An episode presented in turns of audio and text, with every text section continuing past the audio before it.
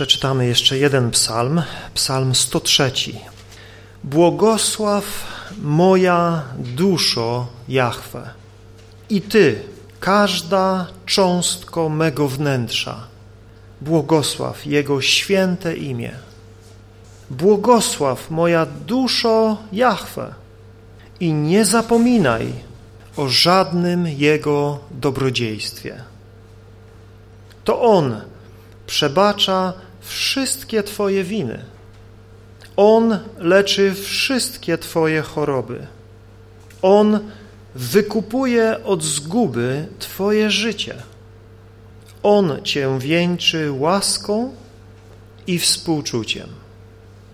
On nasyca dobrem Twą codzienność, tak że Twoja młodość odnawia się jak u orła. Jahwe wymierza sprawiedliwość. Zapewnia słuszne prawa wszystkim uciśnionym. Objawił Mojżeszowi swoje drogi i synom Izraela swoje dzieła. Jahwe jest miłosierny i łaskawy. Wielka jest Jego cierpliwość i łaska. On nie procesuje się bez końca i Jego gniew nie trwa na wieki. Nie postępuje z nami według naszych grzechów, ani nie odpłaca nam według naszych win. Lecz jak wysoko jest niebo nad ziemią, tak wielka jest Jego łaska dla tych, którzy się Go boją. Jak daleko wschód leży od zachodu, tak daleko On oddalił od nas nasze nieprawości. I jak ojciec lituje się nad dziećmi, tak Jahwe lituje się nad tymi, którzy się Go boją. Bo On zna całą naszą kruchość. Pamięta, że jesteśmy tylko prochem. Rzeczywiście, dni człowieka są jak trawa, a On sam kwitnie jak kwiat polny. Wystarczy, że zawieje wiatr, a już go nie ma. Nie widać go na jego dawnym miejscu. Ale łaska Jahwe trwa od wieków na wieki nad tymi, którzy się go boją. Jego sprawiedliwość otacza synów, ich synów, tych, którzy dotrzymują Jego przymierza i pamiętają, by wypełniać Jego przykazania. Oto Jahwe na niebie utwierdził swój tron. Jego królestwo panuje nad wszystkim. Błogosławcie Jahwe, Jego aniołowie, potężni siłą, oddani Jego słowu, by dawać posłuch każdej Jego radzie. Błogosławcie Jahwe wszystkie Jego zastępy, wy, Jego podwładni, pełniący Jego wolę. Błogosławcie Jahwe wszystkie Jego dzieła, we wszystkich miejscach Jego panowania. Błogosław Jahwe również Ty, moja duszo. Jeszcze jeden fragment z listu Jakuba z czwartego rozdziału, od trzynastego wiersza czytajmy. A teraz słowo do was, którzy mówicie, dziś albo jutro udamy się do tego oto miasta. Będziemy tam pracować przez rok, prowadzić handel i czerpać zyski. A przecież nawet nie wiecie, co wam jutro przyniesie. Czym jest wasze życie? Jesteście jak mgła. Jesteście jak mgła, która pojawia się na chwilę, a następnie znika. Powinniście raczej mówić, jeżeli Pan pozwoli, to dożyjemy i zrobimy to lub owo. Wy tymczasem chełpicie się zarozumiale. Wszelka tego rodzaju chełpliwość jest niewłaściwa. Zarówno w tym psalmie, jak i w tych słowach z listu Jakuba widzimy ludzką słabość, kruchość ludzkiego życia i widzimy Bożą suwerenność, czyli Bożą władzę nad wszystkim. To On ostatecznie decyduje, czy będziemy żyli, jak długo będziemy żyli i to On decyduje, czy zrobimy to, co planujemy, czy to, co myślimy, że nam się uda, powiedzie się lub też nie. Wszystko jest w Jego rękach, wszystko jest od Niego zależne. Niektórzy z Was wiedzą, że miałem być dzisiaj w Wielkiej Brytanii. W piątek odlatywał mój samolot. I do czwartku popołudnia byłem przekonany, że lecę. Mimo tych różnych niepokojących wieści, mówiłem, jeśli Bóg chce, żebym jechał tam usłużyć braciom, siostrom, zapraszali mnie, żebym pojechał do Leeds na północy Wielkiej Brytanii, spotkał się z braćmi, siostrami z różnych stron, usłużył Słowem Bożym. Mówię, lecę, bez względu na wszystko. Ale w czwartek dotarły do mnie wieści, że zamykają lotniska w różnych krajach i że może polecę, ale już nie wrócę. I zacząłem się zastanawiać, czy mam lecieć. Zacząłem się modlić i pytać się Boga, co mam robić. I ostatecznie dziękuję Bogu, że nie poleciałem, bo od dzisiaj już nie latają w Polsce samoloty. Wszystkie na lotniska są u nas zamknięte, więc bym nie wrócił tak szybko, jak planowałem. Miałem w poniedziałek, miałem jutro wrócić. Miałem kupione bilety w obie strony już dawno, kilka tygodni temu to zaplanowaliśmy, czy miesięcy nawet. Wszystko było przygotowane, ale nie stało się tak, jak planowałem, jak planowaliśmy. Nasze życie, nasze plany, jakże się potrafią zmienić w jednej chwili. Jakże cały świat potrafi się zmienić w jednej chwili. Obecnie na świecie zgłoszono ponad 145 tysięcy przypadków zakażenia koronawirusem. Odnotowano ponad 5420 zgonów zarażonych osób. I ludzie bardzo różnie reagują na te wiadomości. Tak długo jak oglądaliśmy w internecie plagę szarańczy w Afryce, umierających na AIDS, umierające z głodu dzieci, wojnę w Syrii, konflikty w Ameryce Południowej, mogliśmy odczuwać współczucie, mogliśmy modlić się i życzyć dobrze tym ludziom, ale wyłączając komputer czy telewizor, wracaliśmy do naszego spokojnego, bezpiecznego życia. I szybko zapominaliśmy o tym, co tam widzieliśmy, z czym musieli zmagać się ludzie w innych częściach świata. Kiedy zaś niebezpieczeństwo zbliża się do naszych drzwi, wtedy inaczej zaczynamy myśleć o niedoli ludzkiej, o słabości ludzkiej, o życiu na tej ziemi, o zbawieniu. Wielu ludzi boi się o swoje życie i zdrowie. Nie wychodzą na ulicę, podejmują wszelkie możliwe środki ostrożności. Niektórzy bagatelizują problem i twierdzą, że to tylko kolejna nowa odmiana grypy, która tak jak inne grypy pojawia się każdego roku, dotyka milionów ludzi i zbiera żniwo dziesiątek tysięcy zgonów każdego roku.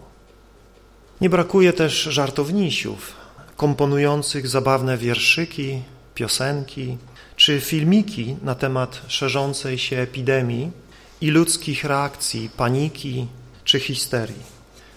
Jeszcze inni sugerują teorie spiskowe o pochodzeniu koronawirusa i globalnej strategii trzebienia ludzkości. I również chrześcijanie zajmują odmienne stanowiska w obliczu obecnego zagrożenia. Niektórzy mówią, my się nie mamy czego bać, nam to nie grozi. Zalecają codzienne recytowanie psalmu 91, który Piotr przed chwilą przeczytał. Mówią, że to pewne remedium na wszelką zarazę. Bo czytamy w tym psalmie między innymi nie ulękniesz się zarazy, która przychodzi w ciemności, ani epidemii, która pustoszy w południe. Tysiąc padnie u Twego boku, a dziesięć tysięcy po Twojej prawicy, lecz Ciebie to nie dotknie. Nie spotka Cię nic złego, ani żadna plaga nie zbliży się do Twego namiotu. Niektórzy więc chrześcijanie mówią, że wystarczy, że mocno wierzysz w Bożą opiekę i głośno, pewnie wyrecytujesz z wiarą słowa tego psalmu jesteś bezpieczny, bo przecież Bóg nie może kłamać. Skoro Bóg tak mówi w tym psalmie do swojego ludu, to winniśmy się trzymać tego słowa i wyznawać to, i wierzyć, i będzie dobrze. Czyli ci wszyscy chrześcijanie, którzy zachorują, czy już zachorowali, znaczy się, nie wierzą tak, jak powinni wierzyć. Gdyby wierzyli tak, jak ci mówią, to by nie zachorowali.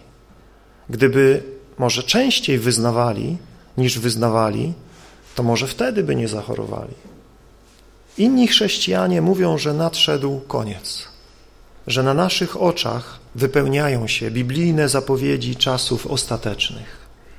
W lutym tego roku plaga szarańczy zalała wschodnią Afrykę i przemieszcza się na zachód i północ. Setki miliardów żarłocznych owadów pustoszy wszystko, co jest na ich drodze, powodując niedobory żywności i grożąc kolejną klęską głodu w wielu afrykańskich krajach. Jeśli nie uda się zatrzymać tej plagi, do czerwca tego roku liczba szarańczy może wzrosnąć nawet 400-krotnie i zaatakuje Bliski Wschód, Azję, a nawet Europę. To, co teraz się dzieje tam, ta liczba tych szarańczy i sposób, w jaki one się mnożą, jest czymś niespotykanym, jest czymś nowym. Na świecie toczą się liczne konflikty narodowościowe, etniczne i religijne, co oczywiście skutkuje wzmagającymi się falami migracji narodów, z którymi, jak wiemy, coraz trudniej jest sobie radzić. Ponadto, jeśli śledzimy wiadomości, to co róż docierają do nas wieści o trzęsieniach ziemi, pożarach, powodziach, tsunami, tornadach i różnych klęskach żywiołowych, wobec których ludzie są zupełnie bezradni. Co więcej, czasami, jak w przypadku Japonii niedawno, kiedy trzęsienie ziemi nawiedza taki kraj, który posiada elektrownie atomowe, to katastrofy są totalnie nieprzewidywalne w skutkach dla całego świata. Pan Jezus, zapowiadając znaki poprzedzające Jego przyjście, wymienia te rzeczy i wiele innych i mówi, że ludzie będą mdleć ze strachu w oczekiwaniu wydarzeń zagrażających ziemi. I moją intencją nie jest dzisiaj napędzać komukolwiek strachu. Pan Jezus do swoich uczniów, mówiąc o tym wszystkim, co musi przyjść na tą ziemię, kieruje słowa pociechy i zachęty. W Ewangelii Łukasza w 21 rozdziale i 28 wierszu mówi Gdy to się zacznie dziać, to trzęście portkami. Nie, tak Pan Jezus nie mówi. Mówi, gdy to się zacznie dziać, wyprostujcie się, podnieście swoje głowy, gdyż zbliża się wasze odkupienie. W 34 wierszu mówi, strzeżcie się natomiast, aby wasze serca nie straciły wrażliwości. W starszych tłumaczeniach, aby nie stały się ociężałe. Strzeżcie się, aby wasze serca nie straciły wrażliwości na skutek obżarstwa, opilstwa oraz trosk codziennego życia, codziennego dnia. Mówi, tego się strzeżcie, żeby wasze serca nie straciły wrażliwości. Czytamy, że w tych złych czasach miłość wielu ludzi oziębnie. Ludzkie serca stracą wrażliwość. Ludzie tak bardzo będą się bali o własne życie, własne zdrowie, że nie będą zainteresowani drugim człowiekiem. Pan Jezus mówi, strzeżcie się. Strzeżcie się, by sobie dogadzać, dogadzać własnemu ciału, obżerać się, pić, oczywiście rozumiem tutaj alkohol w nadmiarze, upijać się, próbując uciec od tych problemów, próbując jakoś poradzić sobie ze stresem. Mówi, strzeżcie się tych rzeczy. Jezus mówi, strzeżcie się też, aby wasze serca nie straciły wrażliwości przez troski codziennego dnia. Strzeżcie się, aby ten dzień nie spadł na was z nienacka niczym sidło, bo zaskoczy wszystkich mieszkających na obszarze całej ziemi. Bądźcie więc czujni, Jezus mówi. Bądźcie więc czujni w każdej chwili i módlcie się. To jest to, co do nas należy w trudnych czasach. Bycie czujnymi, czujnymi na to, co się dzieje, nie bycie bezmyślnymi, nie bycie ignorantami, nieświadomymi, co się dzieje, ale też nie ludźmi, którzy dają się ponieść jakiejś masowej panice, dających się ponieść lękom, obawom, ale ludźmi, którzy się modlą. Jezus mówi, bądźcie czujni w każdej chwili i módlcie się. Módlcie się. Nie wiem, czy to, co obserwujemy, jest zapowiedzią nadchodzącego końca wszystkich rzeczy. Być może tak, być może nie. Być może jest to kolejna fala Bożych ostrzeżeń, kolejna fala Bożego przemawiania do ludzi, aby się ocknęli, aby się opamiętali.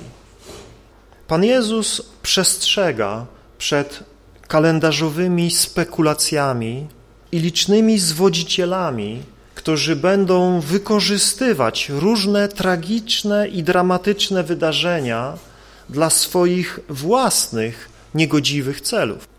Historia jest pełna przykładów ludzi, którzy w różnych wiekach, szczególnie w okresach jakichś tragedii, w okresach epidemii, dżumy, cholery, innych chorób, które nawiedzały Europę i inne części świata. Ludzi, którzy w tych wiekach zapowiadali rychły koniec świata. Wielu katolickich mistyków i wizjonerów roztaczało i roztacza przerażające wizje końca świata. Adwentyści, świadkowie Jehowy, branhamowcy i wiele pomniejszych sekt zrodziło się w rychłym oczekiwaniu końca czasów i w wielkiej mierze ich działalność opiera się na zastraszaniu ludzi do przyłączenia się do ich szeregów, co rzekomo gwarantuje uniknięcie strasznego końca. Pan Jezus wzywa swoich naśladowców do stałej czujności, do uważnego przysłuchiwania się głosom, ale niewierzenia wszystkim. Niewierzenia tym, którzy czytają wyrwane fragmenty z Biblii i mówią, że to już na pewno koniec.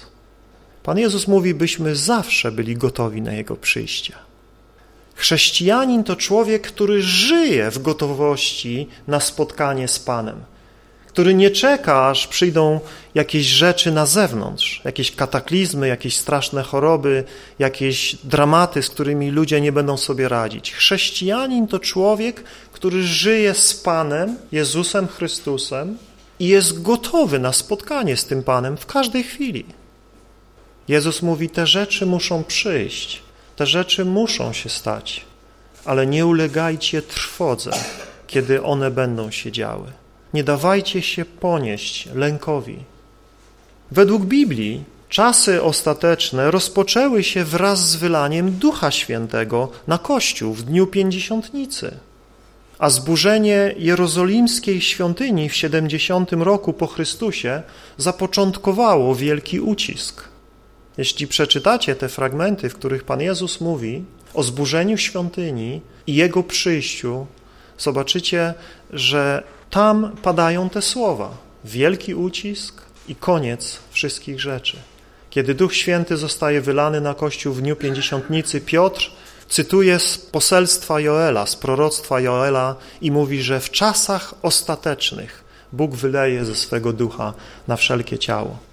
I pisarze Nowego Testamentu, widzimy ewidentnie, traktują swoje czasy jako czasy ostatnie, czasy ostateczne, bo tak jest. To, że minęło dwa tysiące lat, to dla nas ludzi może wydawać się ho, ho, ho, taki kawał czasu. W Bożym kalendarzu to tylko dwa dni. Czytamy, że u Niego tysiąc lat jest jak jeden dzień. A więc Bóg mierzy czas zupełnie inaczej niż my.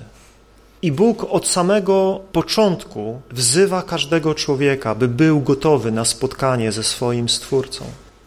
A nie tylko wtedy, kiedy przychodzą plagi, przychodzą nieszczęścia, choroby i tak.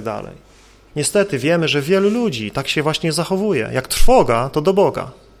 Jak nieszczęście, to ludzie zaczynają się modlić, zaczynają uderzać do kościołów. Teraz chyba zakaz będzie, więc będzie z tym problem, ale do tej pory tak bywało w historii, że kościoły pełne, jak jakieś tragedie się wydarzały, wojny, nieszczęścia. Ale niech to tylko ustało, niech to tylko minęło, to znowu ludzie rozchodzili się do swoich zajęć i już Pan Bóg im nie był potrzebny. Naszym zadaniem nie jest wyznaczanie dat powrotu naszego Pana, ani sianie paniki w obliczu kataklizmu czy epidemii. Jesteśmy wzywani do stałej czujności, wierności naszemu Panu i Jego Słowu, do ufnej wiary w suwerenność, mądrość i dobroć naszego Boga. Kiedy wynaleziono broń atomową, zadano pytanie brytyjskiemu myślicielowi C.S. Lewisowi, jak mamy żyć w obliczu zagrożenia wojną nuklearną. A C.S. Lewis odpowiedział, jak? Tak jakbyś żył w XVI wieku, kiedy dżuma nawiedzała Londyn prawie co roku, dziesiątkując jego populację. Lub tak jakbyś żył w czasach, kiedy dzicy wikingowie przypływali ze Skandynawii i pustoszyli wsie, miasta, mordując, gwałcąc, rabując wszystko. Tak jak żyjemy cały czas, w czasach mnożących się nowotworów, chorób wenerycznych, wylewów, ataków serca, wypadków, jak żyjemy z takim zagrożeniem. Mówi dalej, to całkowicie absurdalne, by marudzić i zachmurzać się, bo kolejna rzecz grozi nam przedwczesną śmiercią. Śmierć nie jest zagrożeniem, jest pewnością. Weźmy się w garść. Jeśli mamy zginąć, to niech śmierć zastanie nas w modlitwie. Niech śmierć zastanie nas przy pracy, przy kąpaniu dzieci, przy rozmowie z przyjaciółmi czy innych rozsądnych zajęciach. Nie zachowujmy się jak wystraszone, beczące owce. Tragedie mogą zabić nasze ciała, ale nie muszą zdominować naszych umysłów. W 1854 roku w Londynie wybuchła epidemia zabójczej azjatyckiej cholery. Całe miasto ogarnęła panika. Opieka medyczna nie była rozwinięta tak jak dziś. Nie było szybkiego przepływu informacji, więc ludzie nie wiedzieli, co się dokładnie dzieje i co mają robić. Chorzy byli ostracyzowani jako nosiciele choroby. Nikt się nie chciał do nich zbliżać, wszyscy się bali. Niecały rok wcześniej do Londynu przybył wiejski kaznodzieja Charles Spurgeon do małego, prawie obumierającego baptystycznego zboru. Był młodym człowiekiem, świeżym w takiej służbie i wobec takiego wyzwania. Jego zbór przylegał do dzielnicy, w której mnożyły się przypadki zachorowań. Spurgeon i wielu innych chrześcijan nie poddali się lękowi. Uznali, że ten wybuch epidemii jest okazją do niesienia pomocy i głoszenia zbawczej Ewangelii. Zabierając się za niebezpieczną pracę wśród chorych, stwierdzili, że wielu nie da się uratować od śmierci, ale Bóg może pomóc powstrzymać ich od wiecznego potępienia, od wiecznej śmierci. Spurgeon i wielu innych chrześcijan pracowało niestrudzenie w tym trudnym czasie, pomagając, pocieszając, płacząc z umierającymi i z osieroconymi. Każdego niemal dnia odbywały się pogrzeby wierzących braci i sióstr, którzy umierali dotknięci zarazą, chociaż czytali Psalm 91 i znali jego słowa. To wszystko nie zatrzymało tych chrześcijan w ich służbie, w ich pracy, w ciężkiej pracy, niebezpiecznej pracy.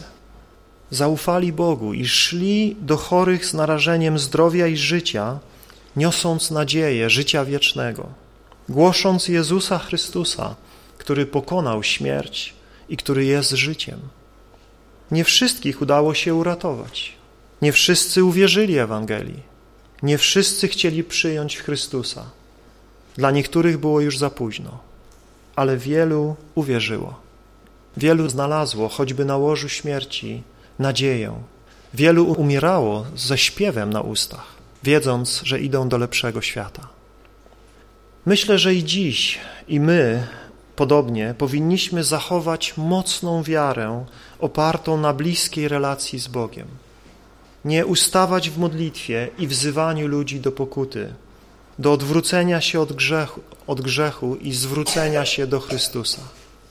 To jest nasze zadanie, bracia i siostry, by w tym czasie lęku nieść nadzieję. Nadzieję pokładamy w Jezusie Chrystusie ku życiu wiecznemu. Oczywiście to nie oznacza, że teraz mamy iść do tych zakażonych, bo tego nie wolno nam robić, bo sami się zarazimy, zarazimy innych.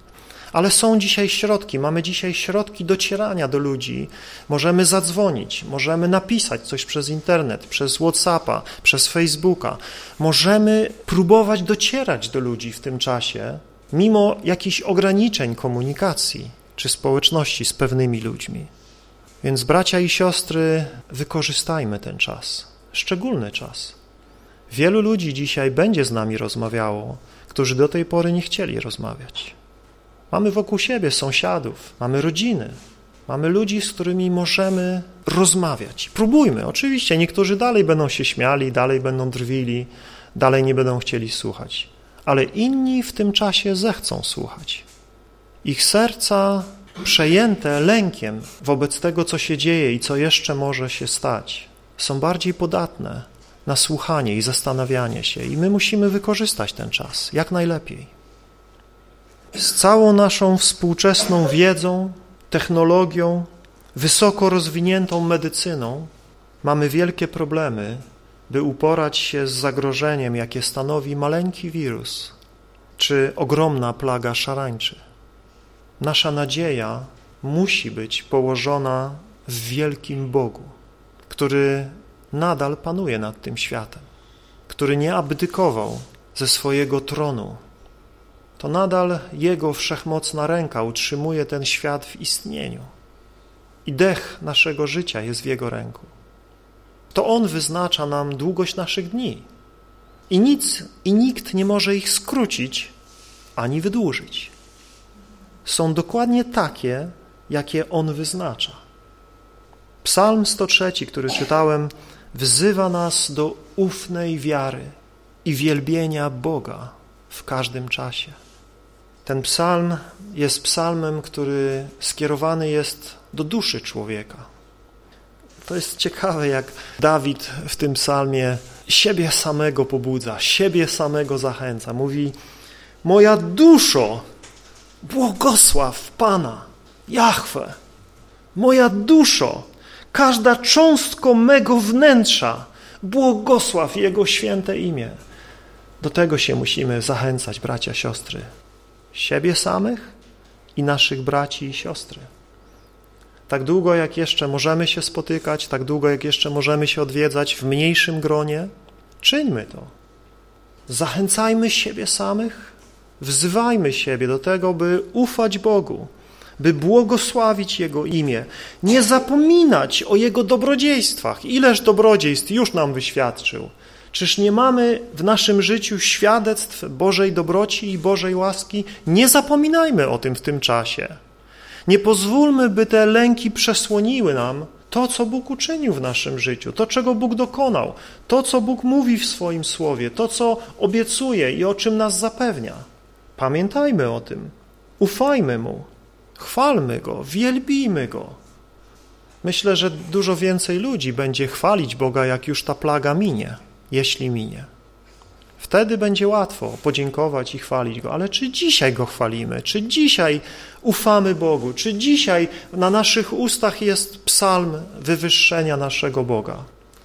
Czy jesteśmy jak Izraelici przed Morzem Czerwonym, którzy stali na jednym brzegu i zaczęli szemrać i narzekać i biadać. Oj, co to będzie, co to będzie, co to będzie. A jak już armia Faraona zaczęła się zbliżać, Mojżeszu, po coś nas tu wyprowadził, koniec z nami, taka bieda. i narzekali, i biadali. Ale jak Bóg otworzył morze, jak przeszli z suchą nogą, to czytamy, że tam za tamburyny wzięli, tam Miriam i wszyscy cieszyli się, weselili, dziękowali, jak to Bóg cudownie ich wyzwolił. Jak długo się cieszyli? Aż doszli do gorzkiej wody w marze. I znowu biadanie. I jak to... A jak wrzucił drzewo i słodka woda się zrobiła, a wtedy fajowo. Uuu, jest super, nie? I zobaczcie, 40 lat, te same lekcje Bóg im daje, te same lekcje. I co? I wszyscy poginęli na pustyni. Ich ciała zaległy pustynię, bo ciągle szemrali, ciągle marudzili. Kiedy tylko problemy, kiedy tylko zmagania. Nie pamiętali, że przecież Bóg wyprowadził ich potężną ręką z Egiptu. Uczynił wielkie cuda. Otworzył przed nimi morze. Troszczył się o nich, mannę z nieba posyłał, przepiórki wokół obozu. Bracia i siostry, czy myślimy, że nasz Bóg dzisiaj nie troszczy się o swoje dzieci, jak troszczył się wtedy o swój biadający i szemrający lud? On troszczy się o wróbelki, on troszczy się o lilie polne. Czy nie zatroszczy się o nas, małowiernych? Obyśmy nie byli małowierni, ale byśmy byli ludźmi wiary, których wiara wyraża się w naszej modlitwie, nieustającej modlitwie i dziękczynieniu i wielbieniu naszego Boga w każdym czasie. Nie tylko po drugiej stronie morza, nie tylko jak już napijemy się słodkiej wody, czy jak woda ze skały popłynie, czy jak najemy się manny, ale kiedy właśnie tego wszystkiego brak, kiedy trzeba zacisnąć pasa, kiedy z pewnych rzeczy nie będzie można korzystać. Nie chwalmy Go mniej w tym czasie, nie módlmy się mniej, nie traćmy wiary w Boga. Jezus mówi, wierzcie w Boga i wierzcie we mnie. Tego potrzebujemy, bracia, siostry, w każdym czasie. W tym czasie i w każdym innym. To nie jest poselstwo tylko na ten czas. To jest poselstwo Bożego Słowa, które jest niezmienne i potrzebne nam w każdym czasie. Powstańmy, kochani, do modlitwy. Kochany Ojcze, dziękujemy Tobie, że zachęcasz nas, dodajesz otuchy, przypominasz o tych rzeczach niezmiennych, trwałych, mocnych. Nie pokładamy nadziei w człowieku, w ludzkich możliwościach, chociaż jesteśmy wdzięczni za tych wszystkich mądrych ludzi, którzy robią co tylko mogą, żeby zatrzymać tą epidemię, zatrzymać tą plagę szarańczy, pomóc ludziom w trudnych, niebezpiecznych sytuacjach. Ale ostatecznie nasza nadzieja jest w Tobie, Boże nasz. To Ty dajesz człowiekowi rozum lub go odbierasz. To Ty dajesz człowiekowi widzieć i rozumieć zagrożenie, albo przesłaniasz przed nim to zrozumienie to ostatecznie Ty, Panie, decydujesz o tym, co będzie z nami jutro, co będzie z nami za rok. Nasze życie jest w Twoich rękach i pomóż nam o tym pamiętać w każdym czasie, że nie należymy do siebie samych, ale Ty jesteś naszym Bogiem i naszym Panem. Pomóż nam ufać Tobie, nie bać się, nie lękać, ale modlić się, wykorzystać ten czas, żyć życiem, którym możemy dzisiaj żyć Pomóż nam, Boże, ufać Tobie, pokładać całą naszą ufność Tobie i wielbić Ciebie, bo jesteś godzien chwały w każdym czasie. Daj nam, Panie, byśmy nie ustawali w wielbieniu Ciebie i ufaniu Tobie. Niechaj Twoje święte imię będzie wywyższone pośród nas i w życiu każdego z nas. Amen.